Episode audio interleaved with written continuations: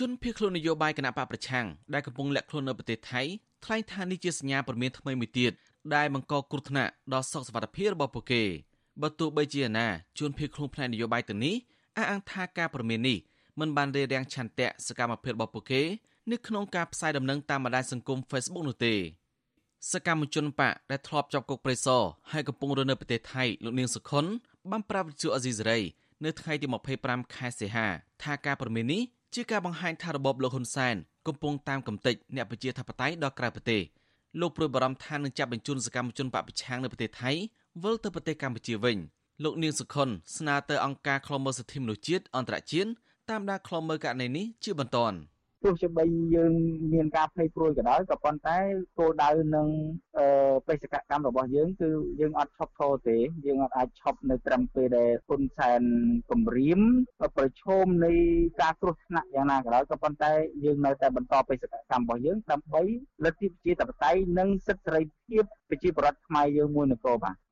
ចំណែកជនភៀសខ្លួនម្នាក់ទៀតលោកវឿនសំណាងហៅក្រញូងព្រៃឡង់ដែលតែងធ្វើវេទិកាអ្នកស្ដាប់តាមបណ្ដាញសង្គមនេះដែរ និយាយថាពេលមានវិបត្តិកូវីដដូចនេះរដ្ឋាភិបាលឯកបៈប្រហែលជាមិនចំណាយលុយចាប់ពួកគេទៅខ្មែរវិញទេប៉ុន្តែក្រមលហ៊ុនសែនអាចជួលក្រុមជើងកាងឲ្យធ្វើបាបពួកលោកដោយដែលក្រុមនេះបានធ្វើបាបសកម្មជននៅកម្ពុជាដែរ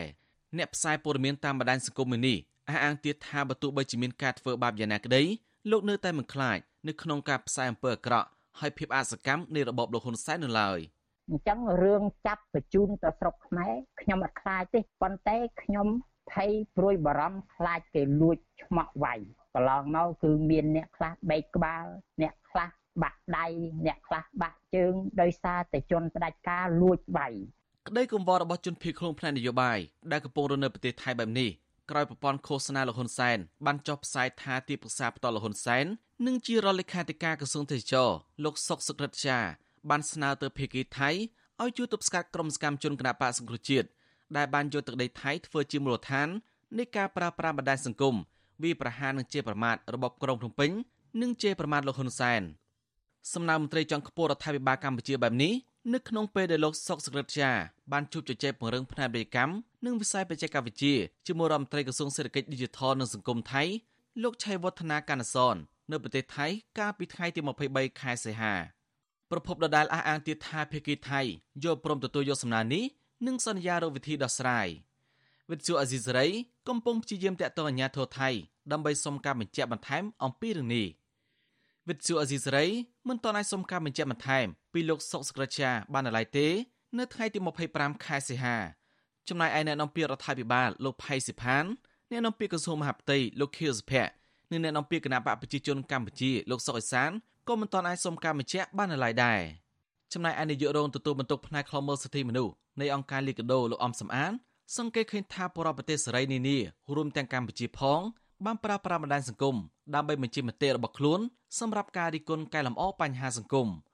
មន្ត្រីសិទ្ធិមនុស្សរំនេះជំរុញទៅអ្នកប្រើប្រាស់បណ្ដាញនេះក៏គួរប្រើប្រាស់ដោយក្រមសីលធម៌ផងដែរលោកអំសម្បត្តិយល់ថារដ្ឋាភិបាលថៃទំនងជាមិនធ្វើតាមសំណើរបស់ភាគីកម្ពុជាដែលស្នើមានវិធានការលើសកម្មជនបពប្រឆាំងដែលរស់នៅប្រទេសថៃនោះទេ ដោយសារប្រទេសថៃជាប្រទេសដែលមានការគោរពសិទ្ធិមនុស្សនិងប្រជាធិបតេយ្យល្អគួរសមនៅក្នុងតំបន់អាស៊ាន ជាគោលការណ៍ប្រទេសដែលប្រកាន់លទ្ធិជាតិបតៃគឺគឺគោរពទៅលើសេរីភាពនិងការបញ្ចេញមតិដើម្បីគុណក្នុងការស្ថាបនាអានឹងខ្ញុំគិតថាវាដូចជាមិនជាបញ្ហាតកតងនឹងរឿងទាំងអស់នឹងទេហើយបើយើងនិយាយអំពីការបញ្ចេញមតិតាមបណ្ដាញសង្គមអានឹងបើយើងទៅបែងចែកមនុស្សបែងចែកប្រភេទមនុស្សបែងចែកអីទៀតអានឹងវាទៅជារឿងការរើសអើងអញ្ចឹងបានន័យថាពលរដ្ឋទូទៅមិនមែនតែកម្ពុជាទេទូទាំងពិភពលោកទៅទៀតបាទជុំវិញរឿងនេះ មន្ត្រីជាន់ខ្ពស់គណៈបកសង្គ្រោះជាតិនិងជាសមាជិកគណៈកម្មការរដ្ឋបាលគណៈបកសង្គ្រោះជាតិនៅក្រុងបាងកកលោកដួនចន្ទ្រានិយាយថាការទៀមទានិងតស៊ូមតិរបស់សកម្មជនបពប្រឆាំងតាមបណ្ដាញសង្គមមិនមែនជាបទល្មើសនោះទេលោកក៏ដឹងទៀតថាបន្តពីទទួលបានការព្រមានបែបនេះអនុប្រធានគណៈបកសង្គ្រោះជាតិអ្នកស្រីមូសុខួរបានផ្ញើលិខិតទៅអង្គការសហប្រជាជាតិទទួលបន្ទុកផ្នែកជនភៀសខ្លួនឲ្យបានដឹងរឿងនេះចំណែកឯសកម្មជនគណៈបកនេះក៏បានជួនដំណឹងទៅទីស្នាក់ការអង្គការសហប្រជាជាតិ ដែលទទួលបន្ទុកជនភៀសខ្លួននៅក្រុងបាងកកឲ្យដឹងអំពីរឿងនេះផងដែរអញ្ចឹងការបញ្ចេញមតិវាមិនមែនជាការខុសឆ្គងទេអញ្ចឹងខ្ញុំអត់មានបារម្ភអីទាំងអស់អំពីទង្វើនៃការគម្រាមកំហែងរបស់អាជ្ញាធរក្រុងភ្នំពេញដែលបានមកសហការជាមួយក្រុមអាកកគឺអត់មានភ័យព្រួយទាំងអស់បាទចាប់តាំងពីរបបក្រុងភ្នំពេញរំលីគណៈបកសង្គ្រោះជាតិកាលពីឆ្នាំ2017សកម្មជនគណៈបកនេះប្រមាណ70នាក់បានភៀសខ្លួនទៅប្រទេសថៃ ដើម្បីគេចខ្លួនពីការធ្វើទុកបុកម្នេញ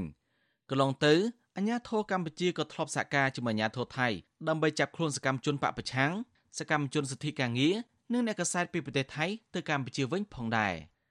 ខ្ញុំសនចាររថាវិទ្យុអេស៊ីសេរីរាយការណ៍ពីរដ្ឋធានីវ៉ាស៊ីនតោន